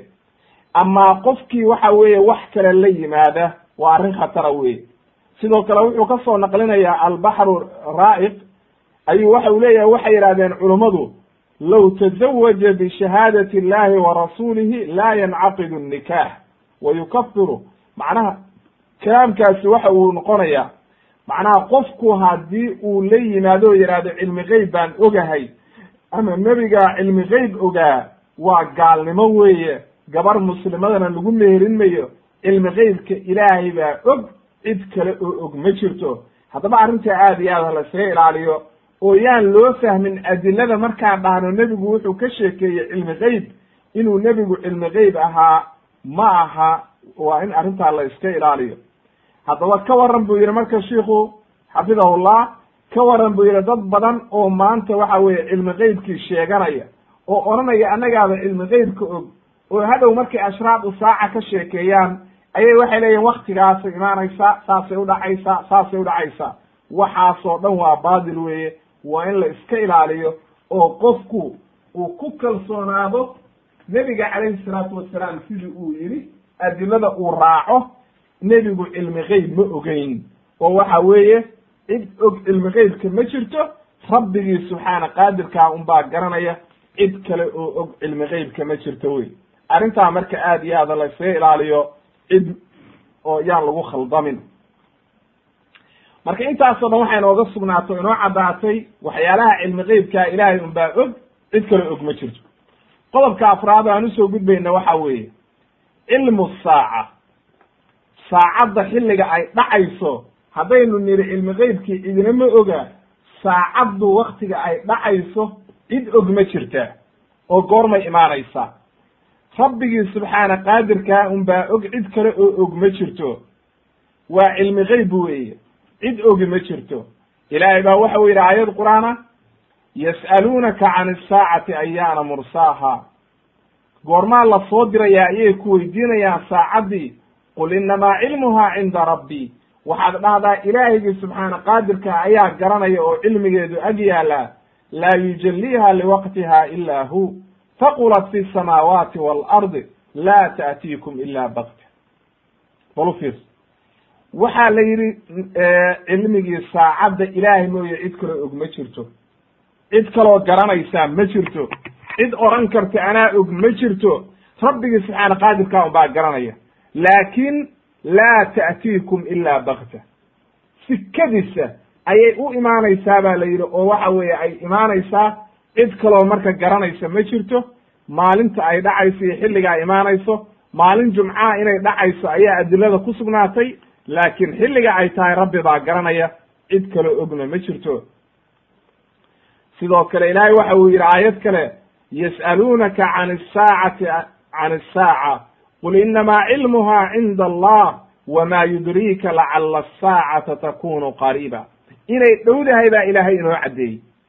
Markii nebiga la weydiiyey ilaahay waxa uu yidhi ugu jawaabay inay macnaha dhowdahay xilliga ay dhacayso laakiin cid ogi ayna jirin.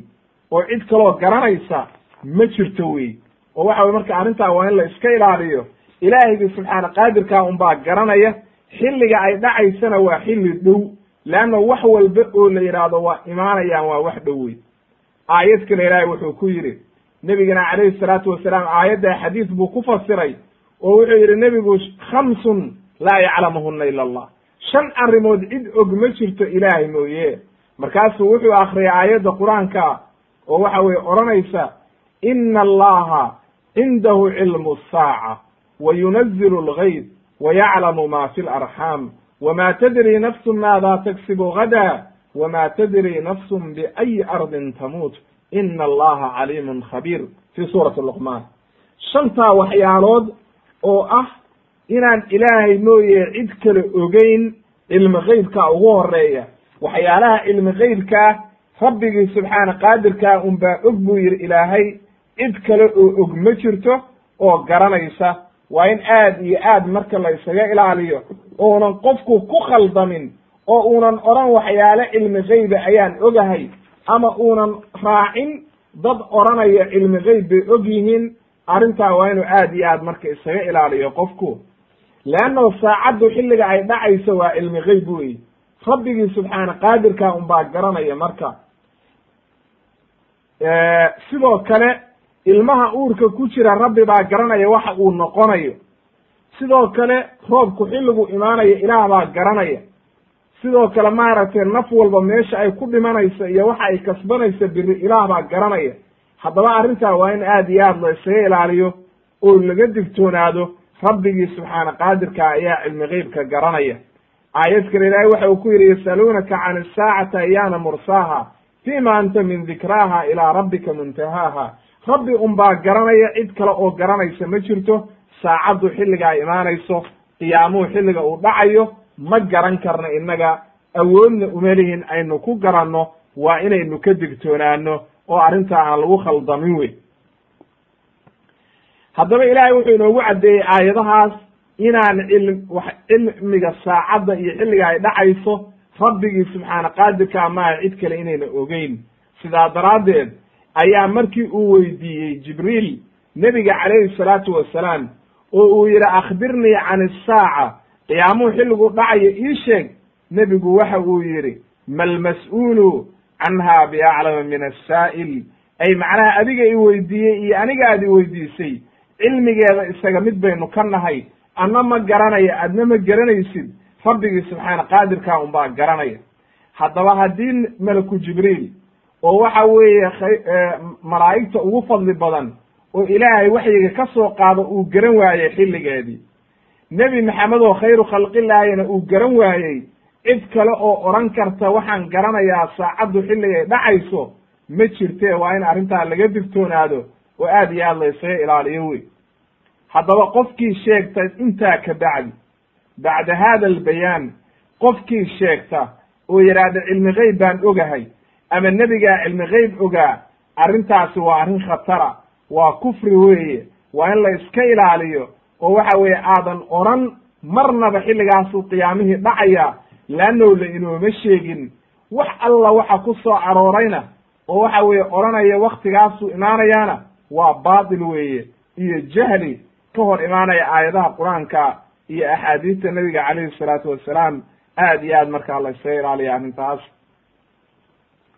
Waxaan u soo gudbaynaa marka haddaynu garannay inaan cilmigeedii iyo xilligay dhacayso cidno ogeyn. Ma dhowdahay mise waa dheer tahay? Waa qodobka shanaad baynu ku keenaynaa odhanayno qurbu qiyaami asaaca qiyaamihii xilliga uu dhacayo aad iyo aad bay u dhowdahay. Waa xilli dhow weeye. Wax kaa dheer ma aha weeye akhilmuslima waktilmuslima nusuus badan baa caddaysay inay qiyaamihii dhow yahay oo aad iyo aad u dhow yahay. Oo waxa weeye inoo caddaynaysa inay maaragtay aad iyo aad u dhow yahay. Ilaahay baa waxa uu yidhi aayad qur'aana ku bilaabay fii suurati alambiyaa iqtaraba linnaasi xisaabuhum wahum fii gaflatin mucriduun. Dadkii xisaabtoodii baa soo dhowaatay iyaguna waa moog yihiin. Haddaba halkaa waxaad ka garatay inay qiyaamihii uu dhow yahay. Leanno kun iyo shan boqol kun iyo afar boqol iyo waxa weye dhowr iyo labaatan sanaan la marayaa waktigaa uu ilaahay lahaa iqtarabat isaaca macnaha inuu qiyaamihii soo dhowaaday iqtaraba linnaasi xisaabuhum. Aayad kale ilahay wuxuu yidhi wamaa yudriika lacala asaacata takunu qariiba. Maxaa ku ogeysiiyey inuu qiyaamihii dhow yahay? Ay macnaha aad iyo aad buu u dhowyo waa wax dhow weeye. Aayad kale ilahay wuxuu ku yidhi inahum yarawnahu baciida wa naraahu qariiba waxay moodayaan inuu qiyaamihii fog yahay laakiin annagu waxaan aragnaa inuu dhow yahay oo xilli dhow uu yahay. waxaa kaloo sii caddeeyey nebiga calayhi salaatu wasalaam xadiiskiisii inooguna imaan doono ashraadu saaca markaan bilowno oo uu nebigu yidhi buciftu ana wasaacata ka haatayni. waxa uu xiriiriyey nebigu labadii safarood fardhexada iyo murugsatada inta yar oo ay kala horeeyaan oo waxa weeye fardhexadu ka horayso ciddida barkeed ma dhamma. Waa wax yar weeye. Intaasaan saacadda ka soo horreeya ayuu yidhi oo waxa weye xadiidkii imaam albukhaari u wariyey intaa ayaan ka soo horreeyaa buu yidhi qiyaamihii. Haddaba marka waxaad halkaa ka garatay inuu qiyaamihii dhow yahay oo wax dhow uu yahay ayaad marka halkaa ka garanaysaa. Sidoo kale xadiid kale oo nebigu inoogu caddeeyey baa jirto inoo tusaaleeyey. Waxa uu yidhi xadiidkii cabdullaahi ibni cumar radi allahu canhuma nebiga ayaa wuxuu yidhi buu yidhi ina baqaakum fi ma salafa fiikum min alumam kama bayna salaati alcasri ilaa guruubi shams haddaad tihiin ummadda nebi maxamed xadiidkani wuxuu inoo tusaalaynayaa maalintii ayaa dhowr meelood loo qeybiyey wuxuu yidhi nebiga calayhi salaatu wasalaam inta adduunka ka hartay ood joogaysaan ummadihii hore haddii loo fiiriyo waxay la mid tahay bacd alcasar ilaa qoraxdu intay ka dhacayso. Wakti u dhigmo macnaheeduna waxa weeye wuxuu yidhi nebiga calayhi salaatu wasalaam nimankii yahuudi ayaa tawraad la siiyey. Way ku camal faleen.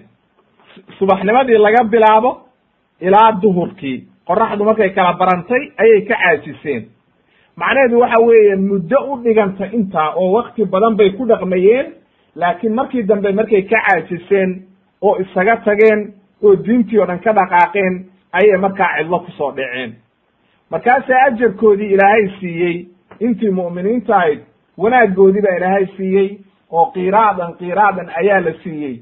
Qiraadku marka waa ajar weyn weeye oo waxa weeye fara badan weeye. Haddaba halkaa waxaad ka garatay marka inay waktigaa ay ku camal faleen uu wakti keenna ka badan ahaa. Leanno salaadii subax subaxnimadii ilaa iyo waxa weeye duhur ayay gaareen wey laakiin haba ku camal faleen wakti badane laakiin waxa ay ku dhaceen maadaama ay ka tageen oo waxa weeye ay faraha ka qaadeen oo waxa weeye intay camalkii sameeyeen oo kitaabkii ay hadhow xooreen ayay marka waxa weeye arrintaa waxay ku kasbadeen dhibaato. Leanno markii dambe gaalnimay isugu hareen oo waa gaaloobeen. Haddana markaa nebigu wuxuu yidhi xadiidka waxaa la siiyey buu yidhi haddana injiishii ayaa waxaa la siiyey nasaaradii. Markaasay ku camal faleen ilaa iyo waxa weeye duhurkii ilaa iyo laga gaaray qoraxdu waxa weeye casar oo kale ayaa ayay ku camal faleen. Haddana waa ka caajiseen markaasay waxa weeye iyagiina ku camalfali waayeen oo ka tageen. Markaasaa ilaahay ajarkoodii siiyey qiraadan qiraadan ajar ajarkoodii ayaa la siiyey. Kabacdi markaa ayaa idinka qur'aanka laydinku soo dejiyey oo waxa weye waxaad ku camal falaysaan ilaa iyo bacd alcasar ilaa iyo makrib qoraxdii ka dhacdo. Markaa adduunkiina waa dhammaaday wey oo adduunkii o dhan baa waxaa loo qeybiyey saddexdaa meelood marka haddaad fiirisidna waktigeenna ayaa ugu yar. Oo waxa weye ummadda islaamkaa waktiga ay joogayso ayaa ugu yar. Oo waxa weye aad iyo aad bay u yar tahay waktiga dadka islaamka ay joogayaan. Oo waxa weye ummaddan ummadda nebi maxamed. Kabacdi markay ku camal faleen oo sidaas iyagoo xaqii ku taagan ay ku dhinteen ayaa ilaahay wuxuu siiyey qiraadayni qiraadayni. Laba laba ajar oo waxa weye aad u waaweyn ayaa la siiyey dadkii markaa tawraad iyo injiil la siiyey oo nasaaradii iyo yahuuddii mu'miniinta ahaa oo nebi muuse iyo rumeeyey nebi ciise ayaa ilaahay waxay ku yidhaahdeen rabbigayow maaragtay rabbanaa haa-ulaa'i aqalu camalan wa akharu ajran. Dadkan ummadda nebi maxamed waana naga camal yaraayeen waana naga ajar badan yihiin. Markaasaa ilaahay wuxuu yidhi hal dalamtukum min ajrikum min shayin macnaha ajarkiini idinku aad lahaydeen ma waxbaan idinka dulmiyey. Markaasay yidhahdeen maya haddaba uu yidhi marka waa fadligayga iyo wanaagayga fadlii uutiihi man ashaa. Qofkii aan doonaana siinayaa fadligayga iyo wanaagayga imaamu axmed iyo imaamu bukhaari ayaa wariyey xadiidka. Muxuu inoo caddaynayaa marka xadiidkaasi inay waktigaani adduunyada ka haray uu wakti dhow yahay oo wakti yar yahay laakiin cadadkiisa iyo xilliga uu dhacayo alcilmu cind allah ilaah baa garanaya innaga ma garanayno wey. Inaan isku haraadinana ma ah haddaba adiladaas o dhan waxay inoo caddaysay inaan cilmi qeybka cid ogi jirin ilaahay mooye. Laakiin xilliga saacaddu ay dhacayso qiyaamuhu uu dhacayo inuu dhow yahay ayaa waxa weye halkaana inooga caddaatay. Haddaba marka waxaynu u soo gudbaynaa oo aynu tacriifinaynaa ashraat saaca ayaynu tacriifinaynaa. Oo baabka mawduuceena maadaama uu yahay ashraat saaca waa tacriifinaynaa marka. Tacriif baynu ka bixinaynaa. Waxaa la yidhaahdaa ashardu horta waa maxay? Ashraat saaca marka aan leenahay ashardu waa alcalaama. Leannahu sidaa daraaddeed ayaa waxaa lagu magacaabaa askarta dowladda oo kale ayaa shurda lagu lagu magacaabaa macnaheedu waxa weeye calaamad ayay u yihiin yucrafuuna biha lagu garanayo. Wa jamcuhu ashraad marka. Wa ashraadu shayi awaa'iluhu. Waxyaalaha calaamada shayga loo dejiyo oo la yidhaahdo waxaasaa lagu garanayaa waa waxyaalaha ugu horreeya oo lagu garanayo. Marka calaamadaha lagu garanayo weeye qiyaamuhu xilliga uu dhacayo calaamadaha lagu garanayo ayaa la yidhahdaa ashraat saaca waa luuqadda. Iyo waxa weeye sharciyanba nooca ayaa waxa weeye lagu gartaa oo waxa weeye wax walba fa shardu calaamatun cala almashruud shardigu wuxuu calaamad u yahay wixii loo dejiyo o la yidhi waxaa ma imaanayso ilaa waxaa la arko. Wa macna saaca marka saacadda shardigii haddii aynu garanay saacadda macnaheeda laba nooc baynu u tacriifinaynaa mar waxaynu ku tacriifinaynaa luuqadda. Luuqadda waxaa la yidhaahdaa juz-u min ajzaa'i alleyli waannahaar assaaca macnaheedu waxa weeye waa qeyb ka mid a maalinta ama habeenka. Afar iyo labaatanka saacadood daqiiqado ka mida saacad ka mida wey marka saacad marna waa loola jeedaa xilliga iyo daqiiqada wuxuu dhacayaa marna waa la yidhahdaa saacad go-an. Marka halkan hadda waxaa loo jeedaa oo waxa weeye sharciyan marka la tacriifinayo oo isdilaaxa loo jeedo waxa weeye xilliga ay dhacayso alwaqtu aladi taquumu fiihi alqiyaama. Xilliga ay saacaddu dhacayso qiyaamuhu dhacayo ayaa la yidhaahdaa saaca. Xilligaa ayaynu u jeednaa oo waxa weeye culummadu ay ku tacriifinayaan. Sababtu waxa weeye hal daqiiqad ayay dhici doontaa oo saacad ka mid a markaase waxa weeye wax walba halaagsami doonaan oo adduunkao dhan lagu kala tegaya. Waxaana loogu magacaabay ba la yidhi lisurcati alxisaabi fiiha. Macnaha degdega wax walba ay xisaabtu u dhacayaan iyo degdega ay u dhacayso ayaa lagu magacaabay. Assaaca la yidhi ama waxa weeye kediska ay u imaanayso. Leannahu laa ta'tiikum ilaa bakti ayaa la yidhi. Waxay u imaanaysaa arrin kedisa oo degdega ayay idinku imaanaysaa.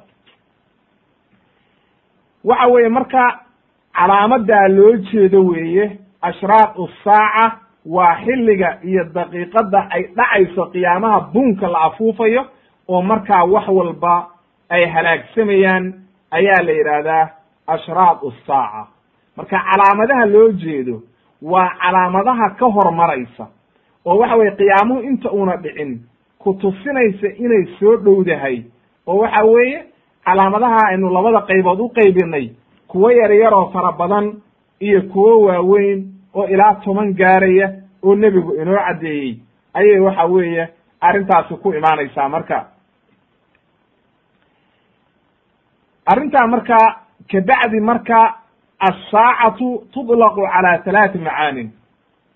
Saddex qaybood ayaa lagu magacaabaa saacadda. Saddex macaani ayaa lagu magacaabaa waxa ugu horeysa waan ugu hormarinaynaa. Qiyaamaha marka la leeyahay ama saaca marka la leeyahay assaacatu suqraa waa la yidhahdaa ay qiyaamihii yaraa. Waa qiyaamaha midka loo jeedo. Qiyaamaha marka yari waxaa loo jeedaa mowtu linsaani qofku marka uu dhinto.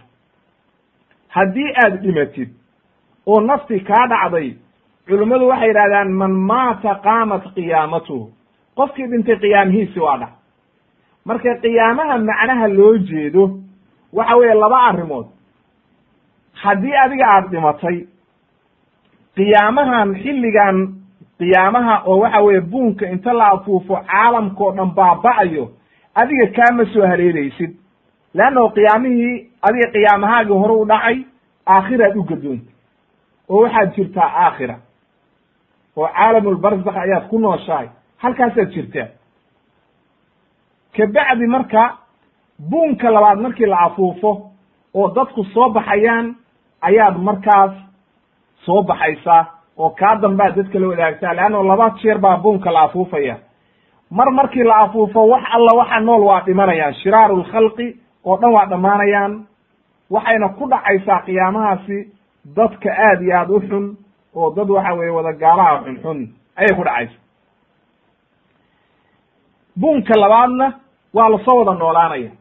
Marka sidaa daraaddeed culimmadu waxay yidhahdaan man man maata qaamat qiyaamatuhu qofkii waxa weeye dhintay qiyaamihiisi waa dhacay. Midda labaad waxa weeye oo lagu magacaabo qiyaamaha assaacatu alwusdaa qiyaamihii dhexe. Qiyaamaha dhexe maxaa loo jeedaa? Waxaa loo jeedaa bay yidhahdeen culummadu qiyaamaha dhexe inay dad isku wakti ahaa isku qarni ahaa ay dhammaadaan oo baaba'aan.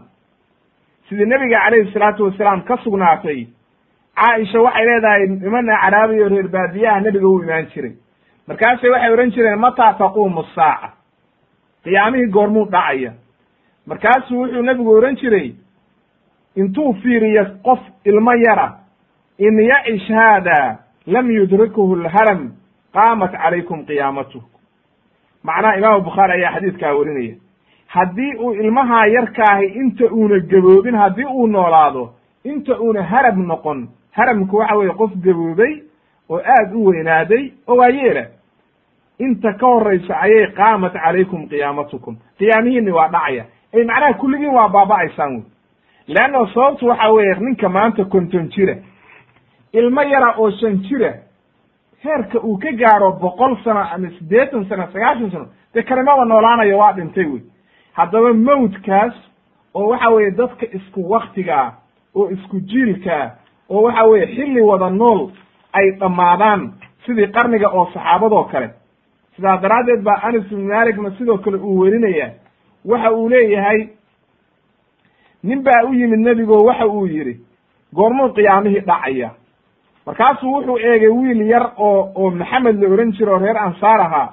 Markaasuu nebigu wuxuu yidhi in yacish hada algulaam facasaa an laa yudrikuhu lharam xataa taquumu asaaca haddii uu wiilkaan yarka ay noolaado waxaa laga yaabaa inuuna qiyaamu inuuna maaragtay gaboobin oo haram noqon catataba inta ka horraysaa qiyaamihii dhacay.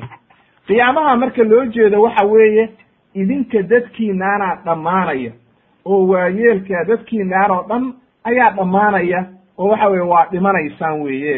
Xadiidkan imaamu bukhaari ayaa weriyey oo waxa weeye kitaabu alfadaa'il ku weriyey fadaa'il asaxaaba halkaa marka waxaynu ka garannay axaadiis aad u fara badanna way caddaysay. Nebigu habeen buu saxaabada tujiyey. Markaasuu waxa uu ku yidhi cishihii ka warrama buu yidhi. Caawa saacaddan laga bilaabo caawa. Boqol sano gudahood wax alla waxa caalamka jooga waa dhammaanaya. Calaa ra'si mi'ati sana. Macnaha boqol sano caawa laga bilaabo cid noolaanaysa ma jirto. Ee macnuu waxa weye kulligiin waa dhimanaysaan. Marka saxaabadiina boqolkaas sano ayay ku dhammaadeen oo qarnigoodii waa dhammaaday. Sidaa daraaddeed ayaad marka waxaad garanaysaa in ay tahay maaragtay assaacatu alwusdaa ay qiyaamihii dhexe waa jiilka isla eg oo qarnigaa markay dhammaadaan ayaa la yidhahdaa. Midda aynu u dan leenahay oo waxa weeye adiladeennu ay u socoto waxa weeye waa midda saddexaad oo la yidhahdo assaacatu alkubraa waa qiyaamaha weyn oo wax walba dhammaanayaan oo wax walba halaagsamayaan ayaa la yidhahdaa assaacatu alkubraa waa miduu ilaahay yidhi yaa ayuha annaasu itaquu rabbakum ina zalzalata asaacati shayun cadiim waa maalinta buunka la afuufayo oo waxa weeye wax walba ay dhammaanayaan oo wax walba dhimanayaan. Kabacdi markaa haddana buunka inta la afuufo la isu soo wada saarayo. Idaa waqacat alwaaqicatu ilaahay yidhi weeye fa idaa ja'at idaamatu alkubraa kulli marka adilo aad u fara badan baa ku soo aroortay inay tahay yas'aluka annaasu can isaaca qul inamaa cilmuhaa cinda allah. Waataynu soo marnay marka waxa weeye maalintaas ayaa la yidhaahdaa qiyaamu saaca. Marka haddii la yidhaahdo ashraaqu saaca ama qiyaamu saaca waxaa loo jeedaa ashraa maaragtay calaamadaha qiyaamaha. Kulli waxaa loo jeedaa waa middaa dambe wey amaa mawdka qofku uu dhimanayo iyo waxa weeye qarniga dhammaanaya labadaa midna uma jeedno. Innagu waxaynu ka hadlayna hadda waxa weeye oo aynu calaamadaha aynu ku sharixi doonno waa middaa weyn oo waxa weeye imaan doonta weeye. Haddaba middaa weyn oo imaan doonta iyo middaa geeridaba labadaba kitaabka qur'aanka way ku soo arooreen. Waatuu ilaah ilaah markuu geerida ka sheekaynayey falowlaa idaa balagat alxulquum wa antum xiinaidin tanduruun wa naxnu aqrabu ilayhi minkum walaakin laa tubsiruun. Marka waxa weye geerida ilaahay waa ka sheekeeye kullu nafsin daa'iqatu lmowt in qof walba dhimanayo oo qof walba halaagsamayo laakiin middaan weynna ilaahay waa ka sheekeeyo ina zalzalata saacati shayun cadiim. Amaa midda dhexe oo jiilka qarniga hal mar inay wada dhammaanayaan nebiga axaadiistiisa ayay ku caddahay oo nebiga inooga sheekeeyey. Marka midda aynu u dan leenahay oo innaga hadda macalshaahidkeennu ku socdo oo silsiladan aynu kaga hadlayno waxa weeye ashraatu saacati alkubraa saacadda qiyaamaha weyn oo caalamkao dhan ku dhici doona oo la wadaago oo cid walba ay baabi'i doonto calaamadaha loogu talagalay oo ilaahay inoo caddeeyey rasuulka calayhi salaatu wasalaam sunnaha inoogu caddeeyey ayaynu ka hadlaynaa wey amaa aqsaamu saaca marka. Aqsaamu ashraadi saaca. Ashraadu saaca aad iyo aad bay u fara badan yihiin. Laakiin laba nooc baynu u qaybin doonaa ashraadu saacati suqraa calaamadihii yaryaraa oo aad iyo aad u fara badan. Lagana yaabo inay maaragtay boqol ku dhowaadaan. Ashraadu saacati suqraa baa la yidhahda calaamadihii yaryaraa ashraadu suqra. Taas adilo badan baa ku sugnaatay oo aad iyo aad u fara badan waa sheegi doonaa. Midda labaadna waxa weeye alashraad alkubraa waa calaamadaha waaweyn iyagu waa toban wey. Nebiga calayhi salatu salaam baa xadiid ku caddeeyey waa toban wey. Masiixu dajaal ayaa ka mid a. Nebiyullaahi ciisa oo soo degaya ayaa ka mid a. Arrimahaas oo dhan baa ka mid a. Qoraxdoo ka soo baxda meeshay u dhacdo ayaa ka mid a. Haddaba marka waxaynu soo hormarinaynaa ashraadu saacati suqra kuwa yaryarka ah maadaama iyagii hadda ay joogaan oo qaar la arkay oo in fara badan la arkay iyagaynu soo hormarinaynaa waxaana weeye habka ay isugu xigaan iyo tartiibka ay isugu xigsanayaan oo kuwaa yaryarka ay isugu xigaan wax daliila oo saxiixa oo ku sugnaaday ma jiraan tartiibka ay isugu xigaan. Laakiin culummadu waxa ay sameeyeen ridwaanullahi calayhim. Ilaahay maaragtay ka raali noqdee waxa ay sameeyeen ashraadu saacati suqraa way ku ijtihaadeen qadiiman wa xadiidan shiikh walba markuu kitaab ka qorayo ijtihaad buu sameeyaa marka inagu waxaynu soo hormarinaynaa haddii rabbi idmo calaamadaha la arkay oo culimmadu yidhahdeen way dhacday ayaynu soo hormarinaynaa innaga oo ka bilaabayna nebiga calayhi salaatu wasalaam soo saaristiisii uguna dambaysiinayna mahdiga la sugayo ayaynu ugu dambaysiin doonaa kabacdi markaa wixii ka dambeeya waa tobanka waaweyn baynu geli doonaa laakiin horta calaamadahan yar yar waxaynu soo hormarinaynaa bal wixii aynu culummadu yidhaahdaan way dhacday. Marka saddex nooc bay culummada qaar u qeybiyeen oo waxay yidhahdeen qaar dhacay oo la arkay. Sida nebiga geeridiisii ama nebiga soo saaridiisii oo dee waxa weye la arkay oo aan soo noqon doonin iyo qaar qeyb laga arkay laakiin weli socota oo weli la arkayo oo loo jeedo o aan weli dhammaanin iyo qaar la sugayo oo aan weli la arkin. Saddexdaa ayaa loo qeybiyey calaamadaha ashraadu saacati suqra. Marka insha allahu tabaaraka wa tacaala habkaa ayaynu isticmaali doonaa waan ictimaadi doonaa oo aynu keeni doonaa nooca. Marka waxa weeye waana habkaa tartiibkuna waa ijtihaad min alculamaaye waa la kala hormarin karaa oo qof waxa weeye odhanaya saasay isugu xigxigaan adilo looma hayo. Tartiibka adilo looma hayo. Marka sidaa daraaddeed maadaama aan tartiibka isuxigaan adilo loo haynin culummaduna ku ijtihaadeen bal dariiqa culummada ayaynu raacaynaa culummo badan baana kutub ka qortay oo aad iyo aad u fara badan. Marka insha allahu tabaaraka wa tacaala hal kitaab ma ictimaadayo laba arrimood baan marka tembiihinaya waxa aan tembiihinayaa awalan inay inaanan kitaab gaara ictimaadaynin ee waxa weeye kutubtaa faraha badan oo laga qoray ayaan ka soo khulaasaynaya oo ka soo qaad qaadaya oo waxa weeye aan maaragtay ka soo qaad qaadanayna waxaan kaloo marka tambiihinayaa xagga tasxiixa axaadiista insha allahu tabaaraka wa tacaala waxaan ictimaadayaa oo aad iyo aad aan u ictimaadayaa xadiidka haddii mar uu maaragtay bukhaari iyo muslim weriyaan uma baana tasxiix oo waa saxiix wey oo kaasi uma baana inaan soo naqlino ciddii saxiixisay. Ama haddii ay sunanka iyo wariyeen waxa aynu ictimaadaynaa oo tasxiixa culummadu habkay u tasxiixiyeen waxaan marka aad u ictimaadayaa kutubta sheikh alalbani raxmat ullahi calayh maadaama muxadis uu ahaa oo casrigan uu ahaa ayaan kutubtiisa ayaan aad iyo aad u ictimaadaya waxaan kaloo ictimaadayaa xaafid ibni xajar iyo culummadii ka horreysay ibni kathiir kulli culummadii oo dhan. Iyo waxa weeye sidoo kale axmed shaakir raximahullah oo waxa weye isaguna mucaasir ahaa oo musnadka taxqiiqiyey maadaama axaadiis badan oo musnadka uu wariyey ay ku jiraan ayaan maaragtay ictimaadi doonaa haddii rabbi idmo insha allahu tabaaraka wa tacaala.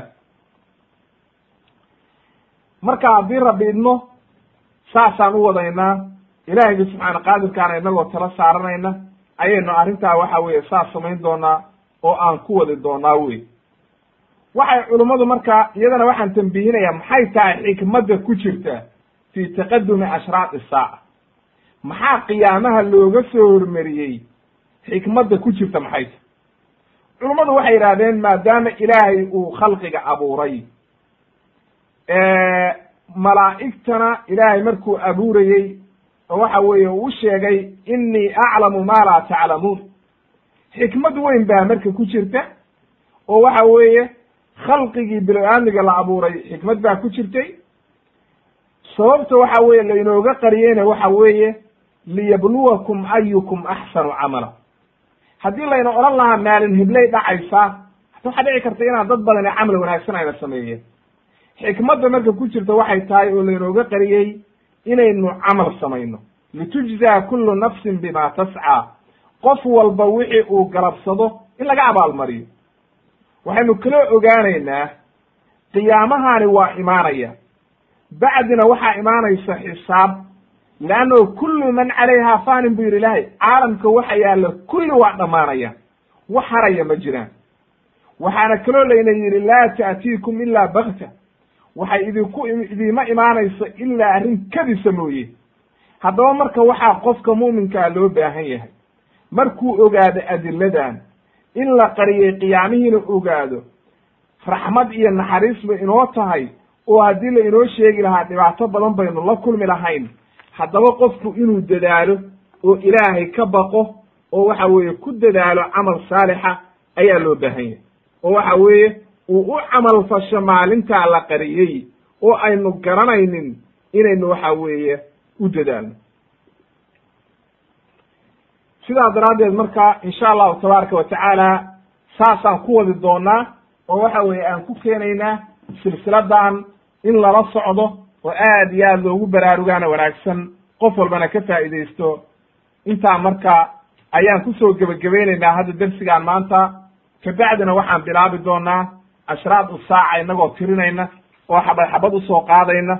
Ilaahaygi subxaana qaadirkaana tala saaranaya oo waxa weeye rabbigii subxaana qaadirkaa ka baryaya inuu ilaahay ii fududeeyo oo waxa weeye aad iyo aad maaragtay ilaahay u tala saaranaya. Ayaan maaragtay rabbigii subxaana qaadirkaa ka baryaya inuu ilaahay ii fududeeyo. Idinkana waxa weeye qof walba oo ka faa'iidaysto oo islaama ilahay waxaan uga rajaynayaa inuu ilaahay idinka dhigo aladiina yastamicuuna alqawla fayatabicuuna axsana wa subxaanaka allahuma bixamdika ashhadu an laa ilaha illa anta astaqfiruka wa ilayk walxamdu lilahi rabi alcaalamiin